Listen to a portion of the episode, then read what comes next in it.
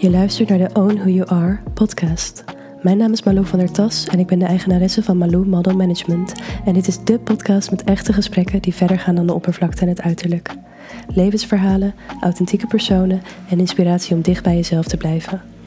Laat je meevoeren op deze reis naar meer verbinding, liefde en positiviteit. Daar zijn we weer, Kevin. We zijn een jaar verder. Eén jaar verder. Het is ondertussen 2023. En een jaar geleden zaten we samen aan deze tafel. En in, dat was aflevering 12. Toen namen wij een podcast op over hypnose. Toen uh, had je me net aan het einde van 2021 eh, onder hypnose gebracht. En dat was een hele speciale ervaring. Dus luister vooral ook eerst die aflevering, mocht je het interessant vinden.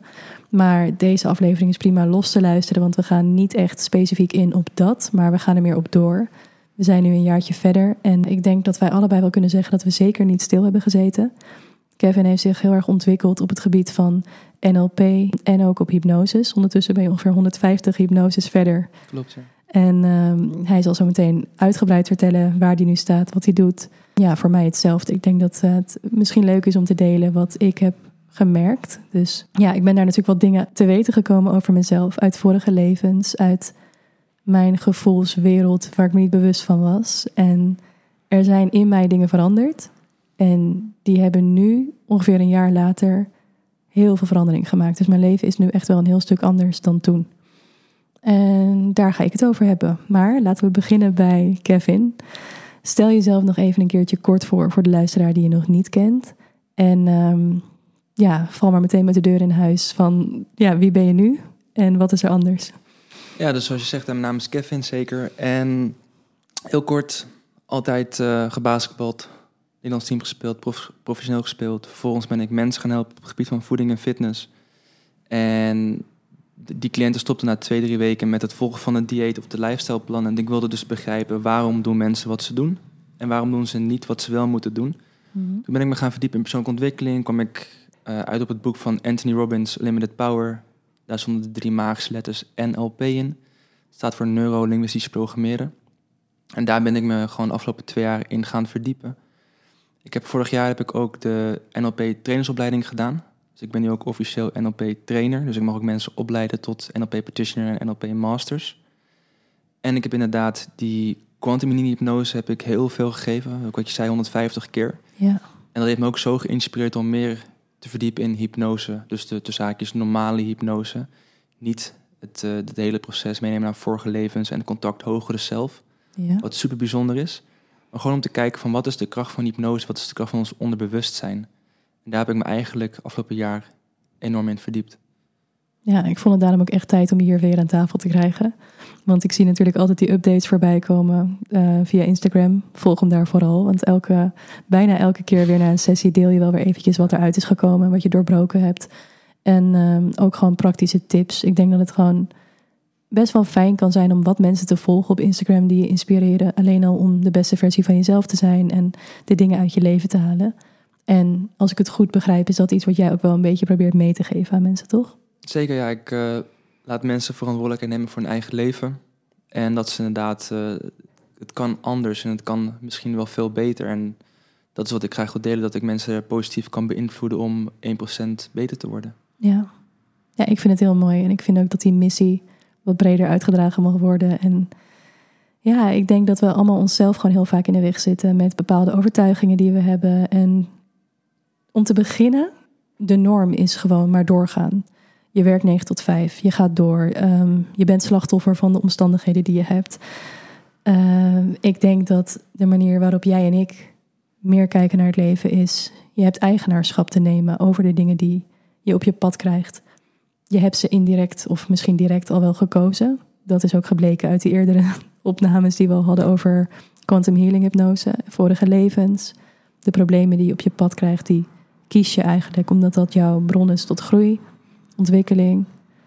Um, maar ja, daar hoort dus ook reflecteren bij. En de vorige keer vertelde je over de lessen die jij toen in 2022 geleerd had. Heb je, of 2021, Ja. heb jij ook weer dit jaar zo'n overzichtje gemaakt?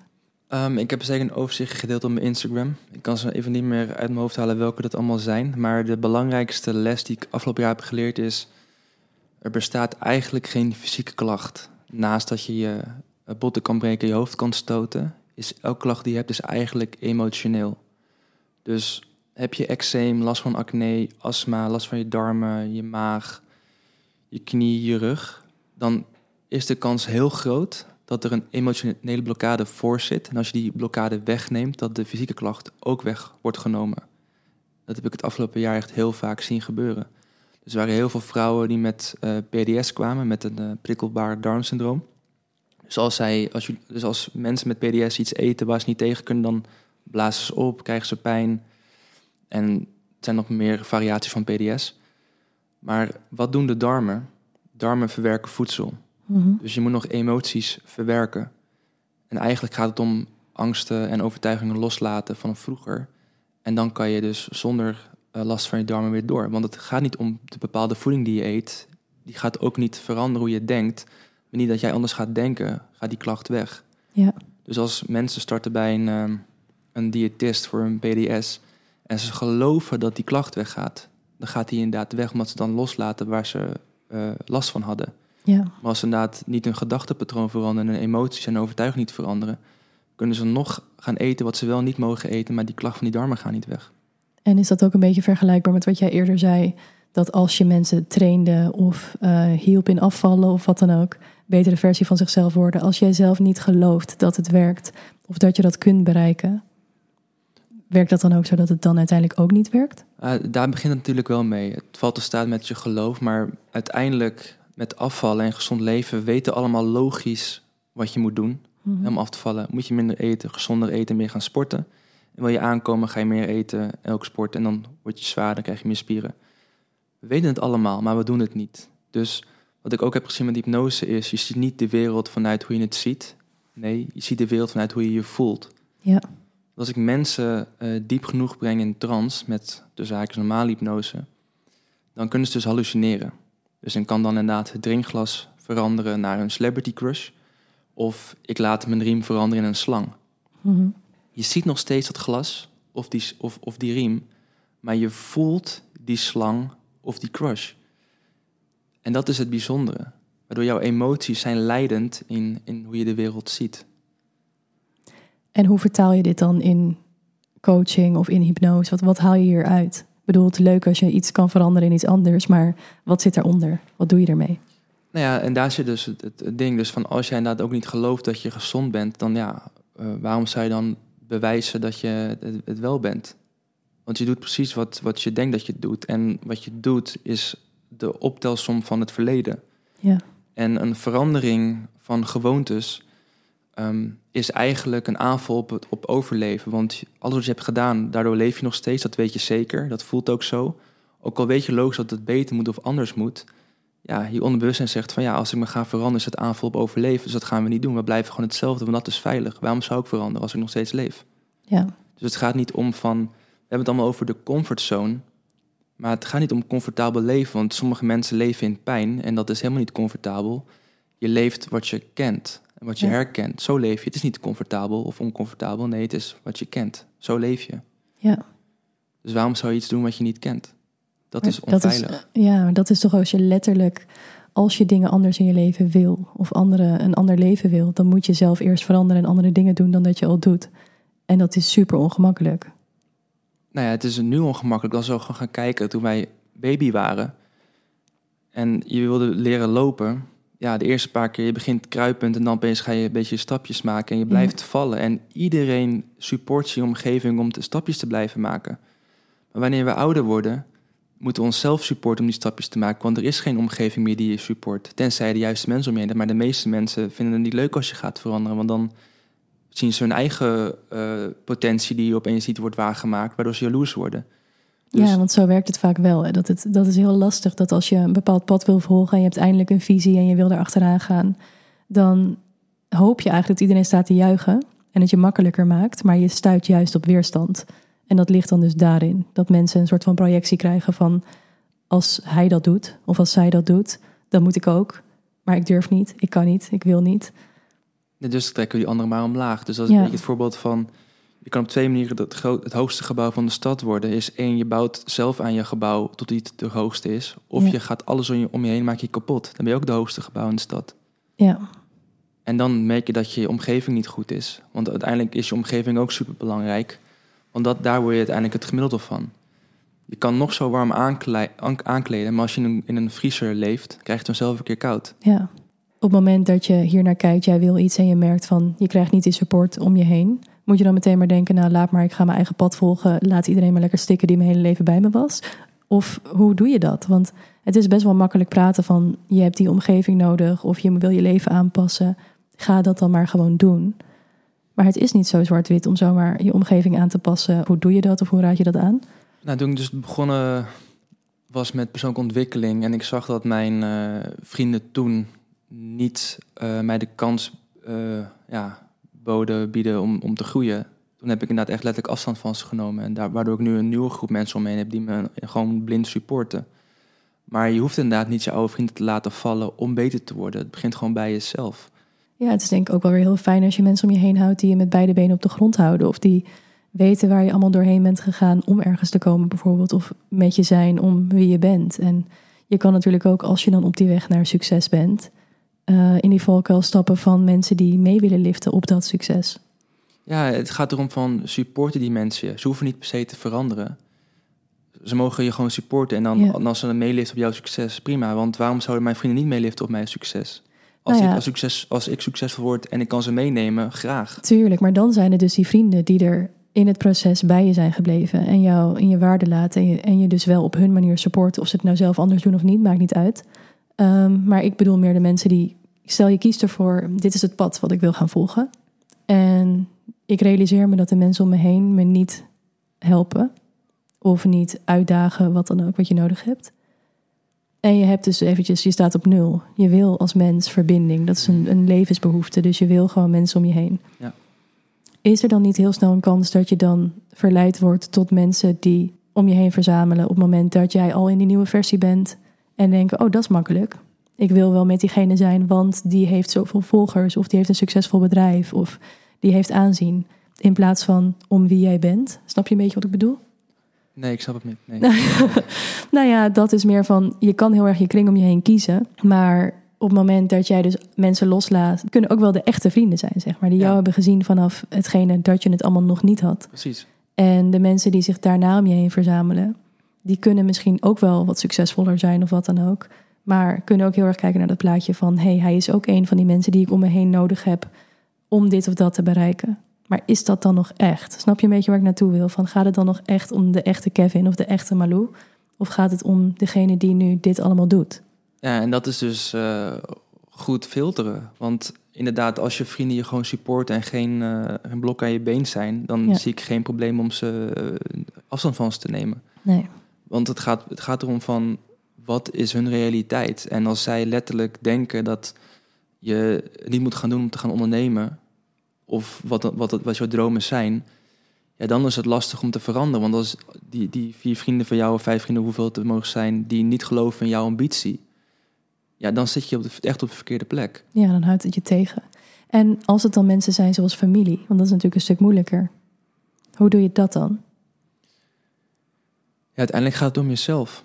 Ehm, weet je, je, je, je komt natuurlijk in een bepaalde familie. En als ik nu met mijn ouders om tafel ga, snappen ze niet wat ik doe. Nee. Omdat ze gewoon niet die eh, mindset hebben van mij. En ik heb die niet van hun. Als, mijn, als ik het advies van mijn ouders van ook moet opvolgen, zou ik gewoon van 9 tot 5 werken, sparen en dan uiteindelijk een huis kopen. Ja. Alleen met hun ervaring en hun mindset, ja, het is makkelijk als een huis een ton is en je verdient 30k per jaar, dan heb je zo een huis gekocht. Mhm. Maar aan de tijd waar wij nu leven, heb je niet genoeg aan 30k om een Nee. huis te kunnen kopen. De huizenprijzen zijn duurder geworden, dus inflatie is gigantisch hoog, maar de verdiensten die je hebt, die groeien niet mee met de inflatie. Dus jouw geld wat je verdient van 9 tot 5 baan wordt minder. Mhm.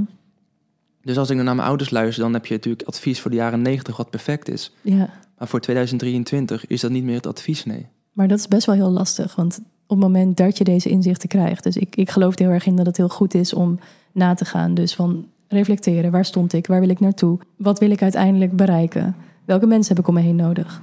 Maar je gaat tegen dit soort dingen aanlopen, van bijvoorbeeld je ouders. Van, van nature wil je goedkeuring van je ouders hebben. Dat moet je doorbreken, ongemak. Ja, Ehm, dat is het mooie van het leven, op ja. avontuur gaan.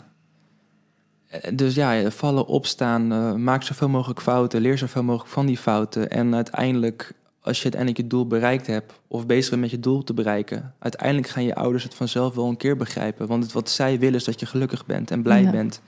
En als je nog niks hebt en je moet nog opbouwen, dan willen ze je gewoon beschermen uit liefde en willen ze je zekerheid bieden van oké, volg gewoon het gebaande pad. Precies. Want dat is wat, waar hun zeker van weten dat, het dan, dat je in ieder geval een, een dak boven je hoofd hebt. Ja, mooi dat je dit ook benoemt. Want dat is denk ik ook heel vaak hetgene van mensen die je een beetje proberen te remmen in je grote plannen. Is dat helemaal niet iets wat met jou te maken heeft. Maar is dat een eigen ding dat zij je bescherming willen bieden of zelf die veiligheid willen voelen? Omdat dat dus ook weer die niet zo comfortabele comfortzone is waar we het net over hadden.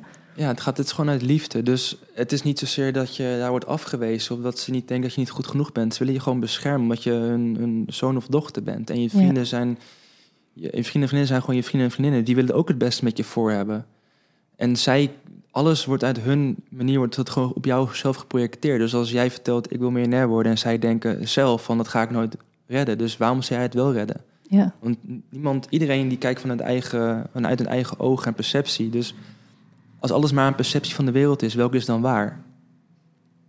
Degene Ja. die jij betekenis geeft, ja die is precies. waar. Die jij kiest. En ook dat hoeft niet de waarheid te zijn. Dus er zijn nog veel meer vormen daarin. Het klinkt ergens ook een beetje als een dun lijntje tussen dit wat heel goed is, dus die ontwikkeling en hier bewust van zijn en jouw waarheid kiezen. Maar het kan ook snel egoïstisch worden. Ja, maar voor wie doe je het anders? Nou ja, je doet het uiteindelijk allemaal voor jezelf, dat is waar.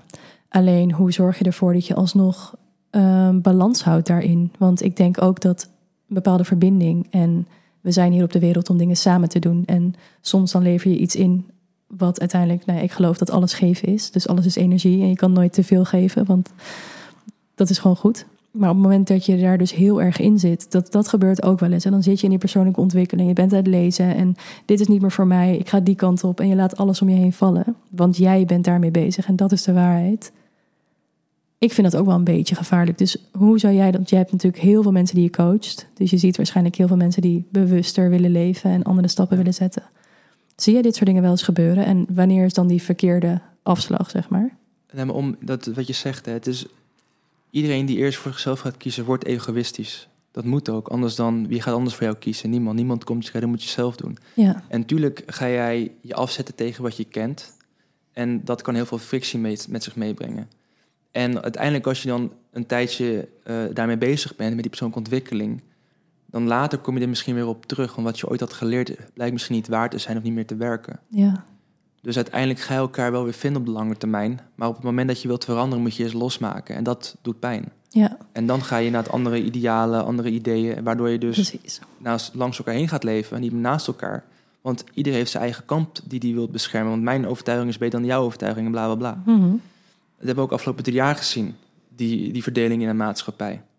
En nu langzaam, als er meer informatie vrijkomt... en Vind je elkaar een beetje. vind je elkaar weer meer. Ja. Want uiteindelijk blijkt de manier van hoe leiding is gegeven afgelopen drie jaar... misschien helemaal niet de juiste te zijn geweest. Mhm. Want uiteindelijk kan je met angst heel veel mensen beïnvloeden, dat klopt ook. Maar als we nu gaan kijken van wat er nu gebeurt, ja, we hebben nog steeds een probleem. En er zijn veel meer problemen in de wereld. En die gaan we niet afstandelijk van elkaar oplossen, daar moeten we elkaar in vinden. Ja, Dus uiteindelijk komt die harmonie komt toch wel weer bij elkaar. Maar eerst ga je botsen omdat je een andere mening hebt. En uiteindelijk als je later denkt van, oh wacht even, de, de tijd gaat vanzelf toch verder. ja. En je kijkt terug en je denkt van ja, het werkt, het werkt niet, we moeten toch iets nieuws vinden. Ja, ik denk ook dat dat een heel goed punt is. Dat je gewoon ook bereid moet zijn om je mening continu te blijven bijstellen. En weet dat je soms in het begin heel radicaal bent naar de ene kant. En uiteindelijk, het is niet voor niets balans. De ene keer is het wat meer van dat en wat meer van dit. En dan uiteindelijk kom je ergens in het midden uit. Dat is denk ik ook waarom ik al deze voorbeelden en situaties een beetje noem. Heel veel mensen die dit soort dingen horen, van hypnose tot zelfhulpboeken, NLP, weet ik wat allemaal. Of het is iets waar je helemaal induikt en dat is ineens jouw waarheid en jouw wereld. Of het is iets waar je niet zoveel van wil weten. Alleen je hebt ook een hele grote groep ertussen die begint eraan, maar merkt al deze soort, ja, soort van nadelen op. Van oh nee, ik sta ineens veel meer alleen of ik zie dingen in. En het is pijnlijk om meer informatie te krijgen. Het is Ja. makkelijker om oogkleppen op te zetten. Maar groei doet ook pijn. Ja, Weet je, als jij een rups bent en je komt in een kokon en je gaat die rups helpen om uit die kokon te komen, dan krijgt die rups geen vleugels om te kunnen vliegen. Die moet door die pijn heen om te kunnen vliegen. Ja. Anders kan het, is het geen vlinder. Dus als je iemand zijn groei wegneemt, dus iemands lessen wegneemt, dan leert hij de les niet en blijft hij nog steeds tegen diezelfde muur aanlopen. Ja. Als kinderen spelen met blokjes en figuurtjes en die moeten dan bijvoorbeeld de ronde, moeten in de ronde vierkant, vierkant en driehoek en de driehoek. Ja. Als jij als ouder het voor blijft doen, dan leert het kind er niet van. Laat hem maar lekker kloten. Laat hem maar dat driehoekje door het rondje heen duwen of, of door die vierkant heen duwen. En vanzelf gaat hij begrijpen, het werkt niet zo. Ja. Ja, een soort van comfortabel leren zijn met de frustratie die erbij komt. Ja, En dat ook van de mensen om je heen. ja, leer comfortabel met het oncomfortabele worden. Ja, En het komt het hele leven terug. Of je nou begint inderdaad met blokjes in, in, in, in dingetjes te duwen... of met business starten, of met relaties, of met vriendschappen. ja, Je zal altijd in oncomfortabele posities komen. Dus wees comfortabel met oncomfortabelheid. ja, dat is ook in het vorige gesprek hadden we het net een beetje over dingen van waar we nu staan en waar we doorheen werken. En dat mensen dan zo vaak denken van, oh ja, ik zou wel willen ruilen, want jij hebt het wel makkelijk. Of je verdient dit, of je, wat voor dingen dan ook. We hebben het toch ook makkelijk, of Ja, niet? we hebben het heel makkelijk. Heel makkelijk. Alleen ja, de- er worden nog wat meer dingen achter de scène, achter behind the scenes wordt natuurlijk gedaan. Want hè, we zeiden inderdaad net van, we willen graag ruilen met je leven. Ja, jij staat vroeg op, je werkt staat, sta- tot laat s'avonds werk je door. Dus op de vrijdagavond ja, kan jij nog gewoon je administratie aan het doen zijn... of mailtjes beantwoorden of bellen met New York of met LA of weet ik veel wat. ja, Ja, daar willen mensen niet, niet mee ruilen. Die mensen willen ruilen met je, je, je bank en met, met je vrijheid. Maar om daar te Ja. komen, daar willen ze niet mee ruilen. nee. En dan denk ik ook wel van, ja, ik weet het niet. Ik, het is ook heel makkelijk om daar dan op zo'n manier over te praten. Maar ja, ik weet niet. Ik wil gewoon wel ook op het moment dat mensen dit luisteren, dat ze ook voelen van. Het is niet alsof we niet beseffen allebei dat het oncomfortabel is en dat het pijn doet. En dat je heel veel dingen moet opgeven voor je gevoel eerst om ergens te komen. Maar meer om aan te geven van eh, wij gaan daar ook heen, doorheen elke dag. En wij zijn er ook nog lang niet. En aan de andere kant ook weer ontzettend dankbaar dat we het elke dag doen Ja, en voor waar we al wel zijn. Ehm, en ik denk dat dat gewoon, ja, in deze aflevering gaan we het denk ik ook nog eventjes meer hebben over hypnose en ervaringen en dingen die je letterlijk daarmee op kan lossen. Maar ga dat ook niet horen als, oh ja, ik hoef geen verantwoordelijkheid te nemen, ik neem wel eventjes een hypnose en dat fixt me wel. Ehm, dat is denk ik helemaal niet de insteek. Ik denk dat, het, dat jij beter uit kan leggen wat wel. Wat, wat zou jij aanraden als iemand dit hoort van, hoe pak je dit op? Je kan het gebruiken als een springplank. Waardoor je dus een soort van... Ja, je krijgt een soort van duwtje in de rug naar de juiste kant. Dus ja, ik kan met hypnose je laten stoppen met roken binnen een half uur, klopt. Maar als jij vervolgens weer voor kiest om weer te gaan roken... Ja, dan heeft die sessie natuurlijk voor geen zin. Dus ik kan, ik kan zeker kan ik heel veel verandering eh, teweeg brengen tijdens die hypnosesessie. Maar uiteindelijk moet je het zelf nog doen. Ja, Dus je krijgt een, een goede duw in de rug en een voorsprong op de rest die eh cold turkey stopt. Want op het moment wanneer jij gelooft dat jij geen roker bent en alles in je onbewustzijn helpt je daar om, om dat inderdaad dat te geloven, dan heb je geen behoefte om te roken. Nee, neem even mee in hoe dat gaat. Ehm, dit is namelijk wel een mooi voorbeeld. Letterlijk, jij hebt dus al mensen onder hypnose gebracht die zijn gestopt met roken. Ja. Hoe is dit gegaan? Hoe je stopt met roken? Mhm. Ehm, ja, nou ja, dus ik, ik test tijdens een hypnosesessie hoe diep iemand is. En eh, dat begint eh, heel simpel met, eh, zijn ze überhaupt volgzaam? Of Ja. zijn ze, denken ze van, nee, dat gaan we niet doen. Want uiteindelijk kan ik jou niet hypnotiseren als je het niet toelaat. Ehm, dat zeg ik eigenlijk altijd, maar uiteindelijk als ik het wil, dan gaat het sowieso wel gebeuren. Want ik heb ook bepaalde trucjes dat ik je met een, een, een shock-inductie in trance kan brengen. Ehm, en dan test ik hoe diep je zit. Dus eerst laat ik jouw handen aan elkaar vastplakken. Dat je niet los kan krijgen. Dan zit je vast aan je stoel, kan je niet opstaan. Dan kan je naam laten vergeten, het getal, nummer drie vergeten. En vervolgens breng ik je nog dieper dan inderdaad naar die hallucinatiestand. Dat je dus letterlijk inderdaad een glas waar je uitdrinkt is dan je celebrity crush. Of de riem die ik jou laat zien, die voelt aan als een slang. Dan weet ik van oké, is er nu een hallucinatie, moet je nog iets dieper. Dan kom je dus bij de personal identification. Daar zit al je gedachten, overtuigingen en emoties van vroeger. En als je inderdaad een bepaald probleem hebt, want roken is eigenlijk niet meer dat je een verbinding wilt hebben met mensen om je heen en je wilt even rust voelen. Want wat doe je met roken?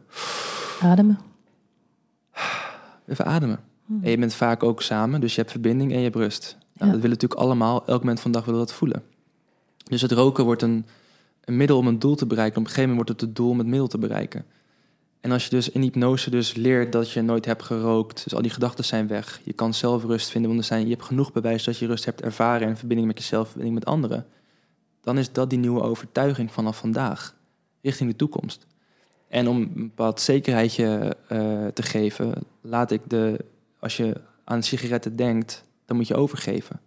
Of als je hem naar je mond toe brengt, dan ruik je iets wat je heel erg vindt stinken, waardoor je dus ook misselijk wordt. Ja. Ja, dat, dat wil je niet. Dus dan laat je hem weer los of dan gooi je hem weg, je sigaret.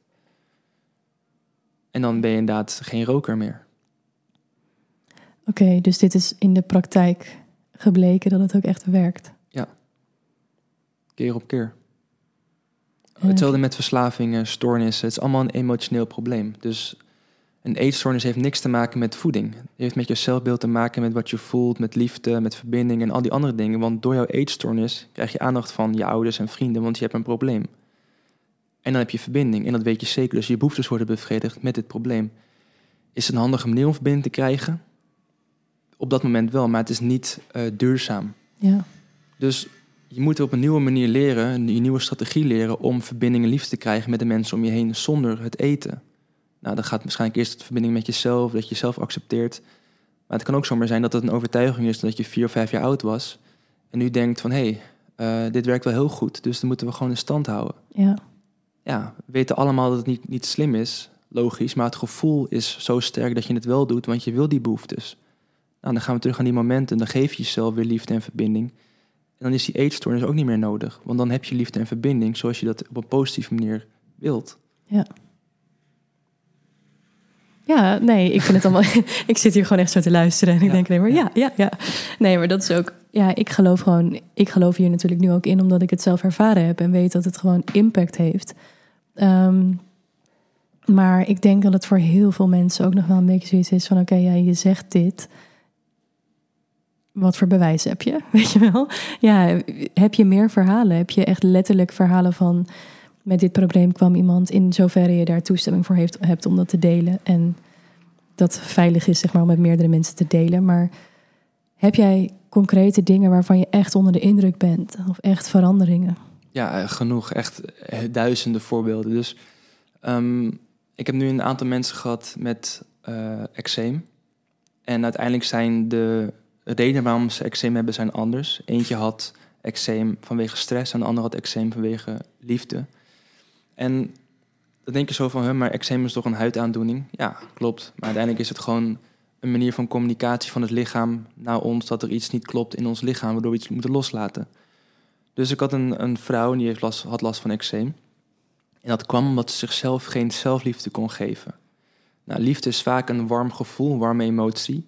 Dus die warmte die niet in haar hart kon komen en in het lichaam kon komen, ging op de huid zitten, waardoor de huid heel erg branderig werd en ging jeuken het moment dat we die blokkade weghalen in de hart en dus weer die gevoel van liefde en zelfliefde kan voelen, was de jeuk gelijk weg. Want het hoeft niet meer uit het lichaam, maar het wordt nu in het lichaam gestopt waar het hoort. Ja. Dus die vond ik heel interessant. Dus vond ik ook echt heel perplex kijken van wow, dit is, dit is, dit heb ik nog nooit gehoord dit. En hoe lang is het dan geleden dat die hypnose was en dat die resultaten er zijn?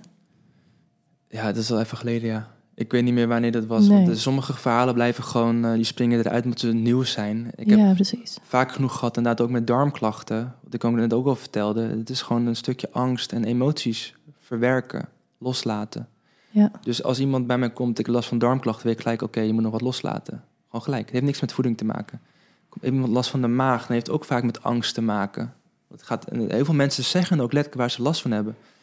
Ik zit, het zit in, ik zit ermee in mijn maag. Ja, wat, zit, wat zit er in jouw maag dan? En dan ga je dat logisch maken en denken van, ja, dat weet ik niet. Maar als je in een trance gaat en dat, dat gevoel uit je maag haalt, dan krijg je een symbool. Omdat het, omdat het onderbewustzijn communiceert in symbolen. En als je dat symbool dan loslaat, terugzet in jouw tijdlijn in het verleden, ja, maakt de emotie los, dan is het gewoon een herinnering geweest. En ik check het altijd ook met, maar niet uit of het dan seksueel trauma is, angststoornis, eetstoornis, whatever het mag zijn. Het, het, is ooit bedacht dat dit een handige patroon is, een handige strategie is. Ik, ik vergelijk het altijd met van, ik stel altijd de vraag aan mensen van, wat heb je vorige week zondag gegeten? Heel veel mensen denken zo, ja, weet ik niet. Maar die informatie staat op je tijdlijn en het heeft alleen geen, het heeft alleen geen emotionele impact meer, omdat het je niet boeit wat je hebt gegeten vorige week zondag. Ja, Maar wat jou op zesjarige leeftijd is aangedaan, omdat het zo emotioneel was, neem je dat nog steeds mee. En dat heb je eigenlijk gewoon moeten loslaten. Op het moment dat je het loslaat, hoe, erg, hoe ernstig het ook is wat, je, wat er jou is overkomen, hoef je niet dat goed te praten. nee, zeker niet. Maar je hebt het overleefd. Het dient niet meer, dat gevoel. Dus laat het alsjeblieft los en zet het terug in het verleden. En dan is het gewoon letterlijk een herinnering. Mhm. En op een gegeven moment voel je er gewoon niks meer van. En dan is het opgelost. Is dat ook eigenlijk een beetje de manier om trauma's door te werken? Dus je moet eerst zien te vinden waar zit het, op waar op je tijdlijn is er eigenlijk ergens iets gebeurd. Dan erken je het. Dus misschien ook omdat als je kind bent, is het toch zo dat je eigenlijk helemaal niet in staat bent, emotioneel gezien, om bepaalde situaties al te dragen of om de emoties eromheen te dragen, waardoor het gewoon letterlijk ergens op een harde schijf wordt gezet, want je kan er niks mee. Alleen nu ben je natuurlijk een stuk ouder en wijzer en, en ja, meer ontwikkeld om dat wel te kunnen. Dus op het moment dat je nu teruggaat daar naartoe en je kan het daadwerkelijk die liefde en aandacht en zorg geven die je het toen niet kon geven. Ja, ja, want ook als je een kind bent, je hebt nog geen prefrontale cortex. Dus je hebt nog geen logisch brein om de situatie logisch te maken voor jezelf. Het is Nee. allemaal emotioneel. Ja, Dus alles wat er in jouw omgeving gebeurt, dat sla je op in je onderbewustzijn. als waarheid. Als waarheid. Ja, Maakt niet uit of het je ouders zijn, je docenten, vrienden, vriendinnen, je wordt gepest, eh, een coach, whatever wat mag zijn. Je slaat het op in je onderbewustzijn. En ons bewuste brein, daar, we leren op een gegeven moment op school dat we ons, ons bewuste brein moeten, op daarop moeten kunnen vertrouwen. Maar je bewuste brein doet geen ene moer. Als jij nu iemand ontmoet op straat en die zegt zijn naam, dan ben je die bijna gelijk weer vergeten. Mhm. Dus waarom zou godsnaam ons bewuste brein vertrouwen als ons onbewustzijn veel krachtiger is? Want iemand met seksueel trauma en in, hè, ze is een vrouw en een man zou haar aanraken of, of gewoon vriendschappelijk op haar arm of op de buik, wat dat mag zijn, ja, dan kan opeens kan ze schrikken en schiet ze weer terug in de trauma. ja, Terwijl het gewoon een veilige omgeving is. Maar het lichaam, het onderbewustzijn slaat het letterlijk op. Dus je moet dat nog loslaten. ja, En dat is die emotie die je nu logisch probeert te maken. Maar je kan een emotie niet logisch maken, want je kan niet uitleggen wat liefde is. nee, Dus we leven in een emotionele wereld. Dus als je dat weer terugzet op de tijdlijn, je haalt de emotie los, je zet het plaatje en de video weer terug in, op de tijdlijn in het verleden, dan staat het daar. Wat we nu doen, als we last van hebben, halen we steeds het verleden terug naar het nu. En dan blijf je in het verleden leven. ja. En het is denk ik ergens belangrijk om wel te erkennen dus dat dingen gebeurd zijn. Want je kan wel denken, oh ik laat het los. Dat zie je toch ook wel eens. Dat mensen gewoon denken, ja ik heb dit en dit en dit allemaal meegemaakt. Ik wil niet meer dat dit mijn verhaal is, want het belemmert me. Ik ga maar helemaal de andere kant op en doe lekker alsof het er niet is. Maar dan blijft het dus alsnog opgeslagen in je lichaam. En gaat het zich waarschijnlijk eerder uiten in psychische klachten of Ja, of fysieke klachten. Ja, Ja. want het is, als jij bijvoorbeeld een vuilniszak vult en in je huis laat staan en je doet alsof het niet is, je gaat dan vanzelf een keertje ruiken. Mhm. Dus die moet je een keer uit je huis halen. Als je die daar blijft laten staan, ja, dan stinkt je huis naar vuilnis, naar wat, wat het allemaal gaat worden. Ja. Het gaat zijn eigen leven op een gegeven moment leven. Misschien krijgt het zelfs pootjes als het helemaal gaat schimmelen, weet je wel. Ja. Dus het moet een keer weg. Je moet het een keer opruimen. En die vuilnis is dat weg. Hij is in ieder geval niet meer thuis. Dus je hebt het erkend, je hebt het losgelaten... en dan gaat het de volgende dag wordt opgehaald door een vuilniswagen... wordt het meegenomen naar een andere plek... Ja. wordt het of verbrand of het wordt weer gerecycled. Dus het heeft, krijgt weer een, een ander doel, krijgt het weer. ja, Dus niet meer het doel dat het jouw huis laat stinken. Nee, je krijgt het doel om weer een nieuw plastic flesje te worden, bij wijze van spreken. ja. En je weet dus dat die vuilniszak er ooit was. Want jij hebt hem zelf volgemaakt en buiten gezet. Precies. Maar het heeft geen last meer voor je, zeg Nee, maar. Je draagt het- die vuilniszak niet meer met je mee. Precies, je neemt het niet meer mee naar, je, staat niet meer in je huis, je hebt er geen last meer van, je hebt het losgelaten en, het heeft, en het, vervolgens is het gewoon verwerkt. Ja, Het, is, het staat op je tijdlijn, want je hebt ooit een keer dat die vuilnis daar, die zak heb je gevuld en losgelaten, of opgeruimd. Is het zo, want dat zit ik nu ineens te bedenken, dat ehm, we ook een soort van eh, soms vasthouden aan ons verhaal en vasthouden aan onze trauma, omdat dat ons bijna ver, ehm, ja, hoe zeg ik dat? Vergeleken wordt met je identiteit. Want jij bent niet dat. Het is wat je is overkomen. En het, het voelt voor mij soms alsof er ook mensen zijn die dan denken: dat ben ik. Dat geeft me een bepaalde bestaansrecht of zo. Of om mijn verhaal te doen, of om mijn werk te kunnen doen. Of dan moet dat hele verhaal er zijn. Want dan is het logisch dat je bent wie je bent. Of eh, doet wat je doet. Precies, ja. Snap je waar ik heen Ja, wil? ja. Dit is precies de reden waarom mensen dus zeggen van, ik ben depressief. Oké? Ja, je Nee, doet het. Je Of doet je- het depressief. ja, Want als je het echt letterlijk gaat eh, uitvragen. En dan kom je gewoon inderdaad... Dus even nog een stapje terug van... Je doet je emoties, je bent ze niet. Want als... En, je, en ze overkomen je ook niet. Je doet het echt zelf. Ja, Je geeft zelf betekenis aan de wereld op die manier wat voor jou het beste is op dat moment. ja, Dus mensen zeggen van nee, emo- emoties overkomen mij. Dan laat ik ze zitten en ik zeg oké, ik gooi nu blijdschap naar je toe. En er gebeurt niks. Ik zeg van mij, ik gooi toch blijdschap naar je toe, het overkomt je toch? Ze, ah nee, wacht, ik doe het toch zelf. Ik geef betekenis aan de omgeving, dus jij geeft dan een depressief gevoel aan de omgeving, waardoor je depressief voelt. Dat Ja. klopt. Je bent er niet, je doet het. Ja. En als je dus al die onderscheid kan maken, dan is het al veel makkelijker om het op te lossen. Maar je moet ook niet vergeten dat we alles doen we om behoeftes te bevredigen. Dus dat depressieve gevoel, of het zijn van depressief, depressief zijn, dat geeft aandacht. Wat zei je? Het geeft ook weer aandacht. Precies, dus jij hebt een probleem waardoor je belangrijk bent voor je omgeving, waardoor je ook verbinding hebt. En dat weet je zeker. Dus even terug van, we hebben Ja. bepaalde behoeftes, we hebben zekerheid. We willen zeker weten dat we veilig zijn.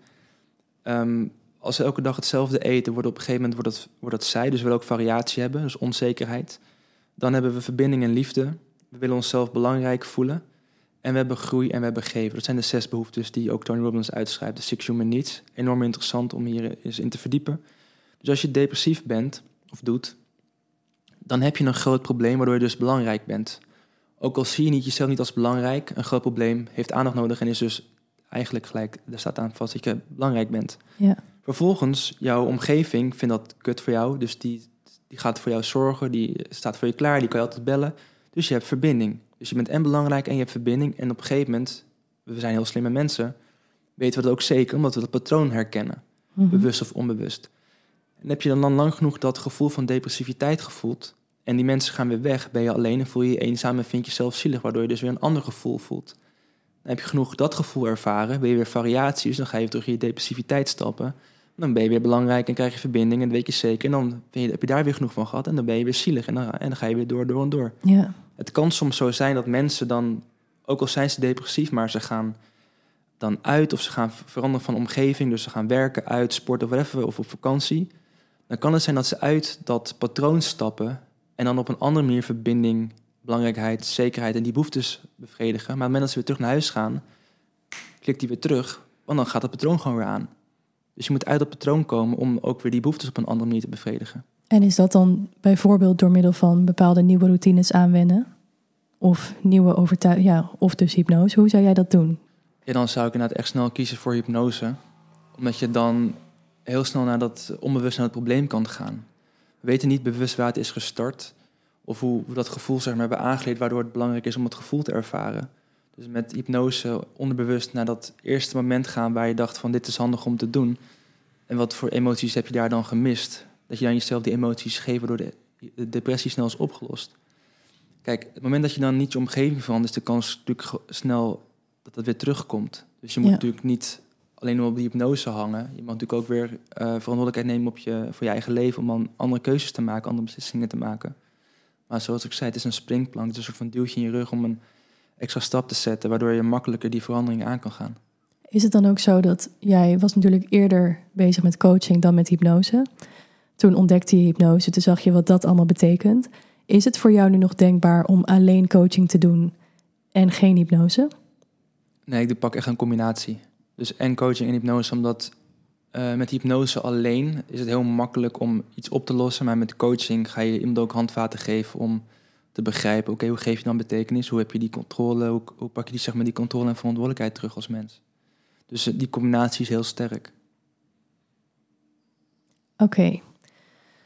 Stel dat iemand niet gelooft in hypnose. Hoe doe je dat? dat niet geloven in hypnose is een soort van zelfhypnose. Als iemand een film kijkt en je wordt emotioneel verdrietig of inderdaad je moet lachen, Mhm. dan ben je in trance. Dus dan ben je in hypnose. Dus je bent, omdat je helemaal mee aan het leven bent met dat verhaal wat jij niet eens bent, maar Dat Je is, ziet dat is, het. ja, dat is een vorm van zelfhypnose. oké.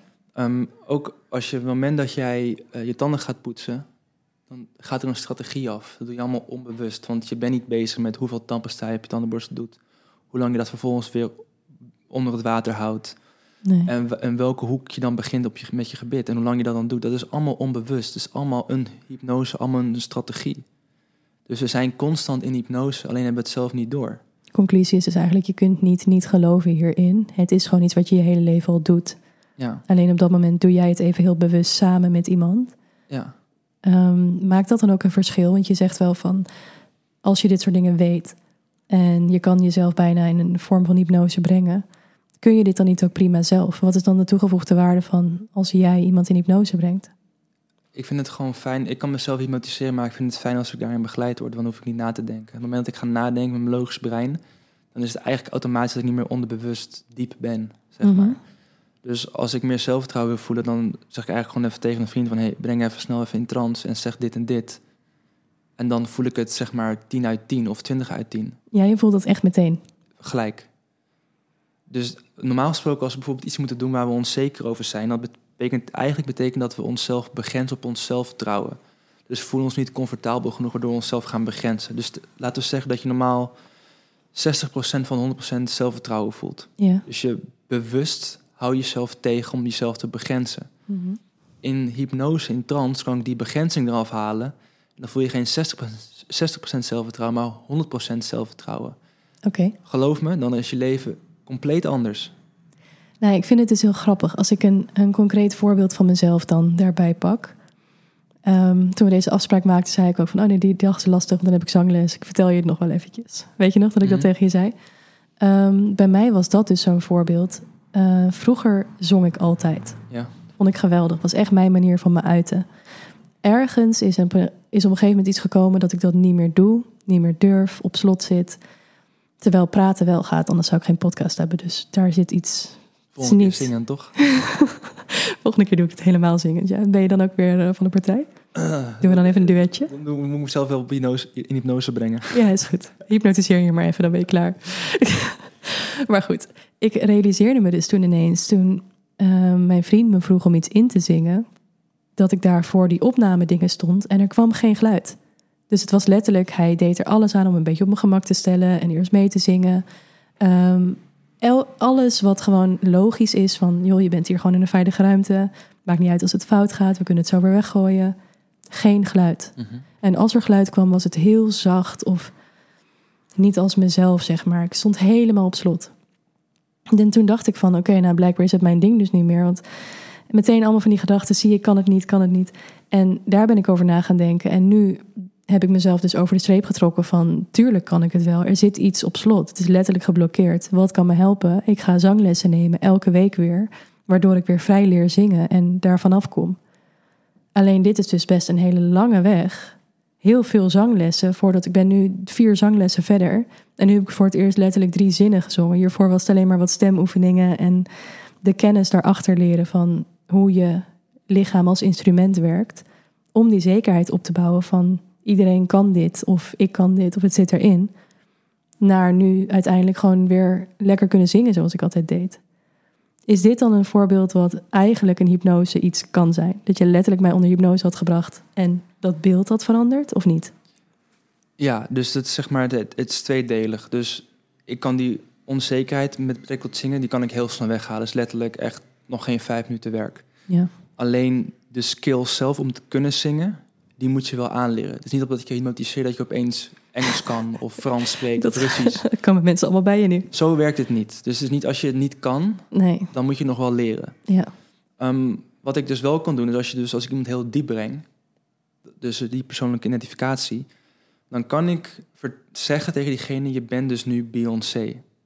En dan jouw overtuiging, jouw gevoel over Beyoncé, dat is wat je naar gaat leven. ja. Kan je net zo goed zingen als Beyoncé? Nee, dat niet. Maar je voelt je wel als Beyoncé. Je gaat je bewegen zoals jij denkt dat ze beweegt. Je gaat je stem gebruiken zoals je denkt dat zij dat doet. ja. Of het wel of niet klinkt, dat moet natuurlijk maar weer zien. Want je hebt niet de talent en de skills die Beyoncé heeft. Beyoncé heeft. Maar je gaat je wel gedragen als jouw perceptie van Beyoncé. ja. En dat is waarschijnlijk meer in zelfvertrouwen en in eh, een beetje scheid hebben wat mensen van je vinden dan wat je normaal van jezelf vindt. Dus Ja. dat gaat je wel helpen. Alleen je gaat niet zo goed zingen als er. Dat is dat voorbeeld. ja. Dus ja, het is, ik kan je dus dat stukje met hypnose, ja zeker. Dus dan had je misschien gelijk gezongen in die microfoon. ja. Maar doordat je zeg maar actie bent gaan nemen en daaraan werkt. En je, je skills worden beter en je krijgt meer zelfvertrouwen omdat die skills beter worden. Ja, precies. Want je- zo werkt het bij mij dus heel vaak. Precies, ik dus ik je- weet gewoon, ja. ik moet het vaker doen om te voelen van, oh, ik kan het echt of zo. Dat is die bevestiging die je zelf geeft. Ja, dat kan hypnose dus niet wegnemen voor je. Eh, deels. Dus ik kan inderdaad zeggen van... je hebt nu duizend keer gezien dat je hebt gezongen. Dus dan die onbewust en dat klik, klik, ja, klik, precies. klik, klik Alsof dat snel. ook van die herinneringen zijn die je eigenlijk al hebt. Je hebt ze al, Ja, dus ja, waarom, ja. je hoeft ze niet nieuw te maken. Al. Dan nog steeds, maakt niet uit. Er is geen realiteit, die creëer je zelf. Dus of je nou jezelf iets ziet doen wat je niet hebt gedaan... of dat je het eerst zelf moet doen om het te geloven... het maakt niet uit. Voor je brein maakt niet uit of je het inbeeldt of echt doet. Ja, Het is, het allebei is het waar. Dus als je... Nou, dus, nou ja, dat is toch ook bewezen. Het schijnt zo te zijn dat als je op een, de juiste manier in visualisatie en meditatie je buikspieren aan het trainen bent, dan doe je niks. Je ligt gewoon in je bed, maar je hebt letterlijk resultaten. Dat is toch bewezen, dit soort Ja. voorbeelden. Ja. Dus, inderdaad, dus je hoeft het niet echt te doen om het te geloven dat je het kan. Ja, Je moet, het, je moet je het zelf kunnen zien doen. Want als ik dus die vraag stel aan mijn cliënten... en dan hoe wil je wel gaan leven? Hoe ziet dat beeld eruit? Die hebben ze niet. Dus hoe weten ze dan, wat ze dan waar ze naartoe moeten gaan? Als ze alleen maar weten wat zeg maar, eh hunzelf alleen maar problemen opleveren... dat is het beeld wat ze hebben. Dus als je dat beeld ziet, dan is dat Ja. de realiteit. Dan ga je daarna handelen. En dan opeens zeg je, ja, ik heb constant ongeluk. Ja, of constant pech. Dat is het, omdat je alleen maar dat beeld ziet van problemen. Dus dan ga je dat ook realiseren. Maar als jij aan de andere kant dus beelden creëert van jezelf... dat je gezond bent en dat je positief bent... en dat je geluk hebt en dat je in abundance leeft... dan ga je er ook naar handelen. En dan wat gaat er dan gebeuren als je naar gaat handelen? Nou, is, dan opeens is je leven ook zo. Wat Ja. toevallig. Dus beide dan is dat de. Dus realiteit. je kan Ja. heel veel energie steken in negativiteit... maar als je dezelfde energie steekt in positiviteit... krijg je het positieve. Ja, ik hoor zeker wat je zegt. Alleen is het dus ook zo waar we volgens mij helemaal in het begin bij kwamen. Dat je dus eigenlijk ook je eigen problemen kiest. Je, je kiest je leven. Je kiest dus ook de problemen en de uitdagingen die op je pad komen. Ehm, ook al ben jij iemand die heel erg focust op die positieve dingen en abundance en alles wat je wil aantrekken in je leven. Feit is, je hebt problemen nodig om te groeien en om weer naar dat volgende level te gaan en om weer een blinde vlek eh, tegen te komen, zeg maar. Ja. Het is nodig. Hoe, hoe zie jij dit? Hoe, ja, Nou, als ik hem dus vanuit eh, de spiritualiteit pak en de quantum healing, ehm, die zeggen inderdaad, je kiest een leven uit. Ja. Dus je kiest je ouders, je kiest je vriendjes, vriendinnetjes, broers, zussen, werkgevers, noem maar op. Want die mensen kunnen jou een probleem geven. Die heb je van tevoren uitgekozen omdat je een bepaalde lessen wilt leren. ja, Nou, het probleem is dat mensen problemen blijven ervaren en niet oplossen. De, het voorbeeld dat ik vaak geef, omdat die herkenbaar is bij veel mensen, is dat de vrouw kiest steeds, of die krijgt steeds de verkeerde partner. mhm, Op het moment dat zij iets intern oplost voor zichzelf, misschien een stukje zelfliefde, grenzen geven, wat mag zijn, opeens er dan wel die partner die goed voor de is. ja, Omdat ze het probleem heeft opgelost. Dus dan heeft ze een les geleerd, waardoor ze dus de juiste partner kan aantrekken. Die andere partners zijn alleen maar aan haar letterlijk gegeven van, hé, hey, ik herinner jou eraan dat je dit mag oplossen. Mhm, Dus ik geef jou een kans vanuit liefde dat je dat kan doen. ja, En wij zien het dat het ons dus overkomen en weer de verkeerde en weer wordt pijn gedaan en weer gaat die vreemd. slachtoffer. Je? Slachtofferrol. Slachtofferrol. En Ja. nou, dus op het moment dat je dus eigenaarschap gaat pakken, je grens gaat aangeven, van jezelf gaat houden en je dus die les leert, dan opeens is die partner er die jij dus verdient. Omdat Ja. je je probleem hebt opgelost. Dus ja, ik, ik probeer sowieso in het leven te staan als er weer iets op mijn pad komt dat ik al denk, oké, wat is de les? Wat is hetgene wat ik weer niet heb gedaan of als het zich blijft herhalen? En op die manier ernaar te kijken, waardoor het bijna interessant is om weer een probleem te hebben, want ja, wat vertelt het je? Maar soms is het ook gewoon shit. Ik bedoel, het komt ook heel vaak op momenten dat je het niet kunt hebben. En het zijn ook soms wel echt levensveranderende problemen. En Ja, het is dus misschien niet geen- populair om te zeggen, maar ik geloof wel dat overal een les in zit. En dat in heel veel situaties je jezelf ziek maakt. Ja, is ook zo. Eh, Eh, ja. het, het lichaam communiceert mij zijn iets interessants van... Er komt een probleem als het me niet uitkomt. Ja, hè, hè, dat is juist een probleem toch? Want Ja. eh, we houden allemaal van verrassingen. Maar als het een verrassing is wat we niet leuk vinden, is het probleem. Ja, goeie. Dus, en natuurlijk komt het niet uit, want een probleem komt nooit uit. Nee, anders was het geen probleem Anders was het geen geweest. Snap je? Dus, ja, dus ja, en tuurlijk, we kunnen altijd gaan kijken vanuit problemen. Van, hè, dus eh, er is een nieuwe situatie en dan, dan kan er inderdaad een probleem komen. Maar we kunnen ook gewoon genieten van wat er is op dat moment. ja, ik denk ook wel dat bij, als ik het bij mezelf hou, ehm, ik ervaarde meer problemen toen mijn basis onzekerder was. Dus naarmate ik ben gaan werken aan mezelf sterker voelen en fijner voelen en, ehm, en bijvoorbeeld een financiële buffer opbouwen of wat voor ook, dat soort dingen, waren problemen voor mij veel minder eh, dat ik het minder als een probleem ervaarde. Terwijl als, het, als mijn basis minder was, kon ik meteen helemaal uit het veld geslagen zijn. Ja, want je hebt mogelijkheden. Dus dat geeft jou meer zekerheid. Als je geen zekerheid hebt, voel je je onveilig en dan heb je een probleem. Dus dan ga je zekerheid creëren voor jezelf. Je komt weer terug bij die levensbehoeften. Dan kom je aan die behoeftes weer, ja. Oké. En iedereen heeft zijn eigen mate van zekerheid, onzekerheid, noem maar op. Dus de een kan met heel veel onzekerheid. Die zie je alleen maar op avontuur gaan. Die heeft geen vaste baan. Die is alleen maar aan de job hoppen, omdat hij constant op zoek naar prikkels gaat. Mhm. Ver reizen, weet je wel, eh extreme sports, omdat heel Ja. veel onzekerheid biedt. Ja. De ander denkt van, ja, oh, wacht eens even. Ik wil gewoon weten waar ik aan toe ben. En ik wil een plan kunnen maken. En ik weet hoeveel geld ik ga verdienen. Wat ik nodig heb om dit en dit te krijgen. Dat is heel erg uit zekerheid kijken. Dus iedereen doet het op zijn eigen manier. Omdat die, iedereen is uniek op zijn eigen manier. Maar we hebben wel allemaal dezelfde zes behoeftes. Als je echt gaat terugkijken waar een behoefte vandaan komt. En als je naar jezelf kijkt, waar zit jij? Ik ging heel lekker op zekerheid. Eh, het moment dat ik dus naar eh, onderneming ging stappen, dan moest ik inderdaad met onzekerheid kunnen leven. Dus dat heb ik gewoon omarmd. Maar ik zie het meer als groei. Dus hoe meer ik doe, hoe meer ik kan groeien, hoe meer ik kan geven. Waardoor ik dus meer zekerheid en meer variatie kan krijgen door dingen die ik kan creëren voor mezelf. Ja. Alleen, maar ook in verbinding met de rest. Dus doordat ik meer creëer voor mezelf, meer groei, kan ik meer geven om met mijn omgeving te genieten, ervaringen op te doen. Mhm.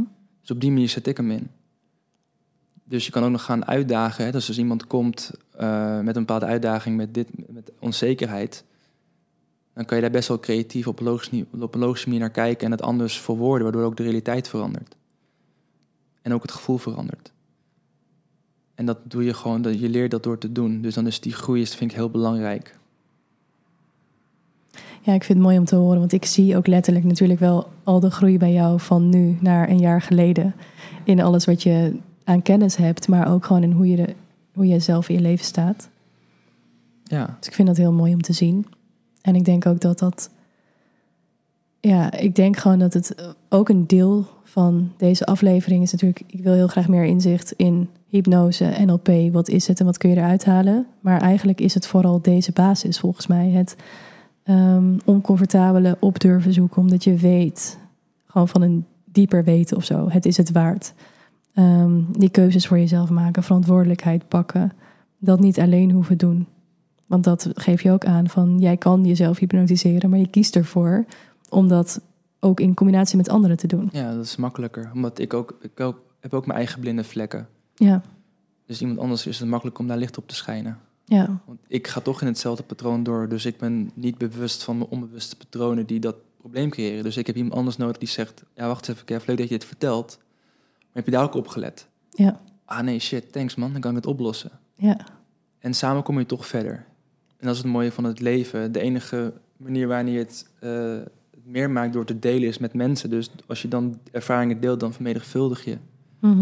En dat is het mooie van het leven. Dus het juist ook allemaal niet alleen willen doen.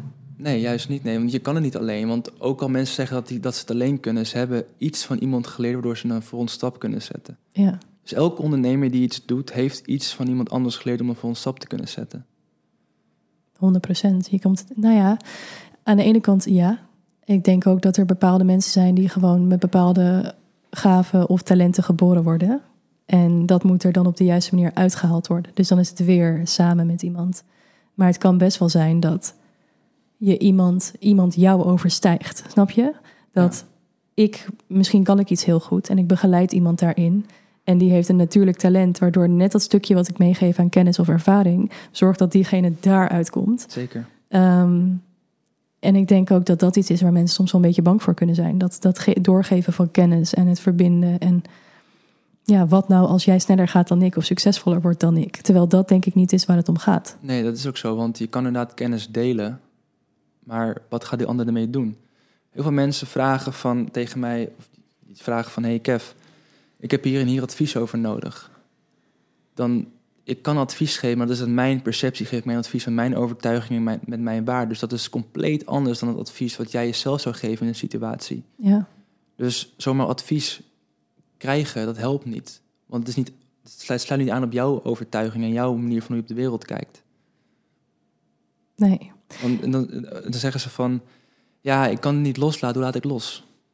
Ja, loslaten. Hoe doe ik dat? Loslaten. Dan denk ik zo van, ja, maar wat is dan zo moeilijk, weet je Nou ja, ik snap dit, want bij mij was dat ook een van die dingen die gewoon echt het moeilijkste is. Ja, letterlijk loslaten. En dan iedereen het op zijn eigen manier loslaten. Dus als ik zeg loslaten, dan kan de een denken van, maar hoe dan? Ja, het neerzetten, het loslaten, in de lucht schieten, het verbranden, Mhm. weet ik veel hoe jij het doet. Nou, gewoon loslaten. Is dat ook hoe jij in je coaching bent? Eh, nee, ik begeleid ze natuurlijk wel. Het is niet dat ik zo... Ik, ik ga niet zeggen wat ze moeten doen. Nee. Dat sowieso niet. Want als ik zeg wat ze moeten doen, dan kunnen ze net zo goed niet komen. Want dan ben ik, het, ben ik mezelf aan het helpen. Eh, maar ik stel ze vragen, laat ze nadenken. En vaak wat er gebeurt, dat ze heel rationeel zijn... en dan heel goed kunnen vertellen hoe het probleem in elkaar zit. Dan stel ik een paar vragen en dan is het opeens van... eh je hebt er niet over nagedacht. Nee, want je hebt, dat is je blinde vlek. Ja. Dus daar zit het antwoord. Ja, maar hoe kom ik daar? Dat is de volgende vraag inderdaad. Niet de wat, maar de hoe. En dan ga je Mhm. dus dat, in een oplossing gaan we dan denken. ja, precies. En ik denk ook dat dat daarom gewoon voor iedereen heel goed zou zijn om wel in gesprek te blijven met mensen. En is het geen psycholoog, dan misschien wel coaching op de manier hoe jij dat doet. En verder kijken dat ook hypnose bijvoorbeeld niet iets engs is. Maar het is dus niet iets wat je overneemt of iets waar je totaal geen invloed meer op hebt. Of dat jij de meest rare dingen Nee. daaruit kan halen. Het is gewoon echt een proces om voor jezelf als, nou ja, als ik ook naar mezelf kijk, mijn ervaring daarin is echt dat het wel een katalysator is geweest voor ehm andere, ja, op een andere manier naar mezelf en naar de wereld kijken. Je hebt natuurlijk je zelfbeeld en je wereldbeeld en dat moet in lijn zijn met elkaar. Ja. En ik denk dat mijn wereldbeeld op een gegeven moment best wel heel helder was en ik minder naïef in dingen stond en mogelijkheden zag en zag wat er, wat, ja, wat er allemaal kon. Maar mijn zelfbeeld nog niet altijd heel realistisch was. En toen in die hypnose letterlijk in die andere vorige levens zichtbaar was. Dat ik mezelf zag en ook al die patronen kon zien. En wat ik daar dan als les uit haalde. Ja. Dat ik daardoor gewoon zag van, oh, ik mag inderdaad mezelf laten zien. Ik mag mijn grenzen stellen. Ehm, ik moet niet te lang wachten met dit en dat. En al die dingen, doordat je het eventjes gezien hebt, kun je het ineens doen. Ja, hier zeg je dus letterlijk, als je het kan zien. Heel veel mensen hebben niet dat toekomstbeeld waar ze het in kunnen zien. Ja, We, hebben, we weten allemaal dat we ouder worden. We hebben, dus we hebben allemaal een, een toekomstig ik. ja, En je toekomstige ik heeft alle keuzes al een keer gemaakt die jij nog moet maken. Alleen als jij die keuzes nu uitstelt, wordt het, wordt- duurt het voor jou ook langer om die toekomstige zelf te worden. Ja, Dus als je toekomstige zelf toch al die keuze heeft gemaakt, maak ze gewoon nu. Waar wacht je nog op? Tijd krijg je niet terug. Dus hoe sneller jij die keuzes maakt, want geen keuze maken is ook een keuze maken, alleen dan blijf je stilstaan. Dus als je toch al weet dat je toekomstige ik die keuze heeft gemaakt, maak hem gewoon nu, dat je sneller je toekomstige ik wordt en dan nog vervulder wordt dan dat je nu bent. En nog Ja. meer kan delen, nog meer kan doen en wat al je, je dromen zijn. ja. Ja, hoe kijk jij aan tegen angst? Er zijn, we worden geboren met twee verschillende angsten. De angst om te vallen en de angst voor harde geluiden. De rest is aangeleerd. Dus als het aangeleerd kan je het ook afleren. En natuurlijk is er een re- reële angst als jij in de savanne loopt en je ziet een tijger, dat je denkt van kut, wegwezen. Dat is een hele Mhm. goede angst. Of als er een bus aankomt rijden, dat je niet oversteekt. Ja, Maar de rest, ja, wat voor angst bestaat er nog meer? Je kan inderdaad schrikken, klopt. Eh, maar een angst is ook maar iets wat je niet vast kan pakken, wat je dus zelf creëert. ja, Dus als het toch aangeleerd is, dan leer het wel af. ja, precies. Ook weer heel praktisch. Maar als je het dan van het wat minder praktische naar het iets zweverige misschien haalt. Je hebt ook iets als je intuïtie. En je hebt ook iets wat je gewoon letterlijk vertelt van... oeh, het is hier niet veilig of het voelt niet oké, dit is niet voor mij. Ehm, hoe herken jij dat als je het weer praktischer kan maken van... hoe vertaal jij intuïtie of gewoon jezelf belemmeren met een angst? Ja, dus we hebben dus over dat onderbuikgevoel. Ja, En ehm, dat, dat kunnen twee dingen zijn. We, we hebben pas een hele korte tijd in ons mensenleven, in mensen zijn, hebben we taal. Dus we hebben heel lang hebben we geen taal gehad. Dus dan hebben we gecommuniceerd met non-verbale communicatie.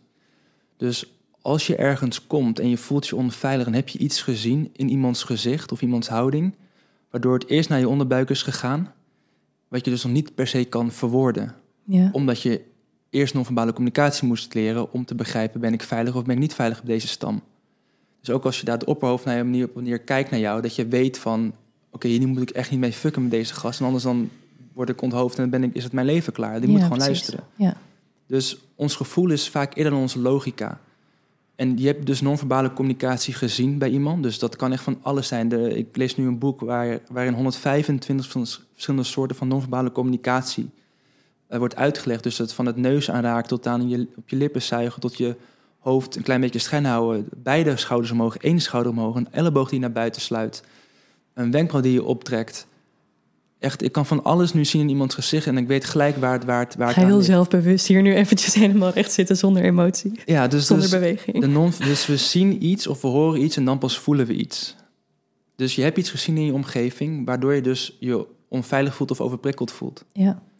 En als je inderdaad heel erg overprikkeld voelt, dan is of je, je zintuigen zijn niet goed uh, afgestemd, waardoor ze constant een overload hebben, waardoor je dus eigenlijk gewoon lekker thuis wil blijven zitten. Ja. Of het is echt iets wat je dus uh, energetisch voelt en de dingen die we niet kunnen zien met het blote oog, die het dan wel is. Ja. Dus het is moeilijk om te zeggen wat nou waar is. Maar ja, um, als we gewoon puur uit biologie, uit biologie kijken, dan is inderdaad non-verbale communicatie is het snelst. Dat geven we heel snel een betekenis met gevoel en dan pas kunnen we het logisch maken. Dus als we inderdaad ons onveilig voelen, dan is het niet, we zien iets bij iemand en die zegt, diegene is onveilig. Nee, we voelen dat het onveilig is, waardoor we weggaan. Ja. En dat, zo werkt het gevoel eigenlijk. Dus we hebben die non-verbale communicatie een betekenis gegeven. Oké. Dus in het feit van wanneer je bepaalde keuzes moet maken en je denkt van oeh, mijn onderbuikgevoel zegt nee, dan zeg jij. Is die angst reëel? Ja. Dus is dat dan is het waar dat je dat eng vindt? Hè? Dus spreken voor een groep. Wat is het ergste wat er kan gebeuren? Eigenlijk niks, weet je. Iemand kan wat van je vinden, ja, boeien. Iedereen vindt toch van iedereen iets, dus ja. waarom maak ik me daar druk om? Maar wij vinden iets van het spreken in het openbaar... waardoor we dus ons onzeker voelen of juist heel erg belangrijk voelen. Dus iemand die zich heel erg die in de aandacht wil, in de spotlight zit... Ja, die staat op het podium en die is aan het vertellen. En het kan dus ook weer zijn dat jij niet wil dat mensen denken dat je heel graag die aandacht pakt of jezelf zo geweldig vindt. Dus daarom denk je ook, ga maar niet op dat podium staan. Dus jezelf een soort angst aan gaat praten door het oordeel van een ander. Dat dat ook nog eens kan spelen. Ja, of je eigen oordeel op een ander. Dus wat je vaak hoort, als je opgroeit en je hebt het niet heel breed, dan is geld is slecht of rijke mensen zijn gierig of mm -hmm. dat dat ook mag zijn. Als je dat dus gaat geloven, ja. dan word je ook nooit rijk. Want anders word jij die gedachte die je hebt over een ander. Dan word jij die gierige rijke gast of dan word je die evil guy met veel geld of vrouw Ja. met veel geld. Want dat is jouw overtuiging over mensen met geld. Dus als Ja. je iets vindt van iemand op een podium die heel goed kan spreken en je vindt het dat echt vindt het een mafkees of iemand die alleen maar aandacht wilt, Dat is super interessant, toch? Dan is het toch juist die spiegel van waar dan komt is het die vandaan? spiegel juist. Ja. hè. Dus dan ga je, omdat je niet iemand wilt zijn die aandacht wilt, dan ga je nooit op het podium staan en spreken, want jij wil niet diegene zijn. Ja, en waarom niet? Misschien niet omdat het niet is wat je echt niet wil, maar je wil gewoon niet afge ja, dat afkeurende, afgekeurde stukje in jezelf. Ja. Daar wil je niet naar kijken. Ja, en als je wilt weten eh, wat iemand vindt van de wereld, moet je gewoon aan diegene vragen: wat vind je het meest voorkomende gedachte over de wereld? Dus gaat iemand zijn eigen overtuiging uitleggen, omdat die denkt dat iedereen zo denkt. Dus dan kan je heel snel achterkomen van eh, hoe iemand is. Hoe, wat is jouw antwoord als ik jou die vraag stel? Dat ga ik niet zeggen natuurlijk. jammer, jammer. Was te proberen. ja. Oké. Heb je nog iets anders wat je wel wilt delen? Poef, ja, ik heb heel veel te delen, dus eh, ga me vooral volgen op Instagram. Ik deel heel veel eh, informatie ook over de sessie die ik heb gegeven. Ehm, ik heb nu eh, met nog twee anderen hebben een eh, hypnose tegen PDS eh, online cursus eh, zijn we van start gegaan. Nu met de eerste groep. PDS is dus dat prikkelbaar darmsyndroom waar je het eerder Klopt, over had. Ja, dus last van je darm of heb je gewoon überhaupt last van je darmen, dan gaat het gewoon puur inderdaad om die emoties los te laten. Dus we hebben een online traject waar je dus een eh kick-off eh, bij krijgt van acht hypnosesessies, waardoor je de klachten van je darmen verminderd worden of helemaal weggaan. Dus onze testgroep is nu van start gegaan. Eind februari zullen we met de tweede groep van start gaan. Nice. En zo willen we steeds meer mensen op die manier kunnen helpen met hun darmklachten. Want ja, het gaat niet om wat je eet of hoe je het eet. Het gaat erom dat je die emoties loslaat waardoor die klacht weg gaat. En kan je, kan je alles eten wat je wilt eten zonder klachten. Dat zou toch heel mooi zijn voor heel veel mensen. Zou heel mooi zijn, ja. Heel veel vrijheid geven. Heel veel vrijheid, ja. Dus dan hoef je ook niet meer eh, na te denken waar je s'avonds gaat eten met restaurants of wat je wel niet kan eten. Het geeft gewoon weer meer ruimte en vrijheid. Ja, en ik zou iedereen eh, aanbevelen om een keer zo'n quantum healing sessie te doen. Want het is gewoon heel leuk om inderdaad tijd te reizen en in contact te komen met je hogere zelf en achter eh, antwoord te komen waar je misschien eh, ja, naar op zoek bent. ja. ja, ik zou het ook zeker aanraden. Ja. Dus uh, ik denk dat het vorige gesprek toen was het nog veel meer op uh, wat hebben we ervaren en wow, wat bijzonder. En nog maar zien wat dat verder doet. En nu een jaar verder kan ik denk ik ook als ervaringsdeskundige daarin uh, meepraten dat het wel echt verandering uh, teweeg brengt. Ja, zeker. En dat was nog in het begin. Dus toen had je net volgens mij twee, drie, vier sessies gehad of zo. Ja, was ik net begonnen. Ja, nu ben ik ja. vijf sessies verder en ik heb zoveel bijzondere sessies gehad. We hebben het over gehad inderdaad dat um, uh, iemand terugging naar het jaar 1300 waar ze een heks was. Dat ze opeens zomaar een andere taal begon te spreken omdat ze een bepaalde spreuk uit een boek voorlas. Weet je, het boek bestaat niet meer, die is vernietigd, maar de informatie is er nog steeds. Dus we kunnen nog steeds informatie ophalen van vroeger. Ja. Informatie vergaat niet. We hoeven alleen maar onszelf in de juiste frequentie te zetten. En dan kunnen we opeens tijd reizen. Ja, en dat is denk ik ook met heel veel kennis wat al in je zit. En wat er al beschikbaar is. Je hebt in, in bepaalde zaken dus mensen nodig om het naar boven te halen, of situaties nodig waarin het naar boven komt. Maar er zit zoveel wijsheid in jezelf, denk ik. En, ja, je bent ja. al compleet uiteindelijk. Ja. Um, en je kiest ervoor om een nieuwe les te leren. Dus je hebt ergens al een keer, heb je het al, ben je van arm naar rijk gegaan, ben je van heel veel problemen naar oplossingen gegaan. Je, bent let, je wordt letterlijk gedragen. Alleen soms durven we onszelf niet aan over te geven omdat we het zo eng vinden, omdat we onzeker zijn over de toekomst. Ja. Je gaat toch niet weten wat er komt. We denken onszelf te kunnen vertellen dat we weten wat er gaat komen, maar je weet niet wat er over tien minuten gaat gebeuren. Nee. Wel, we, we denken te kunnen weten dat het nog steeds uh, hier rondloopt, maar je weet het gewoon niet zeker. Dus geef je over aan het leven en, en durf erop te vertrouwen dat je gedragen wordt, dat er een hogere energie, een God, een spirit met jou meekijkt en jou letterlijk begeleidt in het leven, in jouw, jouw pad. En dan komt het altijd goed. Ik had het niet beter kunnen verwoorden. Dankjewel. Ja, bedankt. ja, nou ja, wat Kevin net al zei, volg hem vooral op Instagram als je meer dingen wil volgen over zijn sessies die hij geeft, over zijn eigen levenspad. Um, en nou ja, als je meer wilt weten over de podcast, dan uh, kun je Own Podcast volgen of mijn persoonlijke profiel, malou.mout. En de rest van de info kun je in de beschrijving vinden. Bedankt voor het luisteren. Dankjewel. Jij bedankt.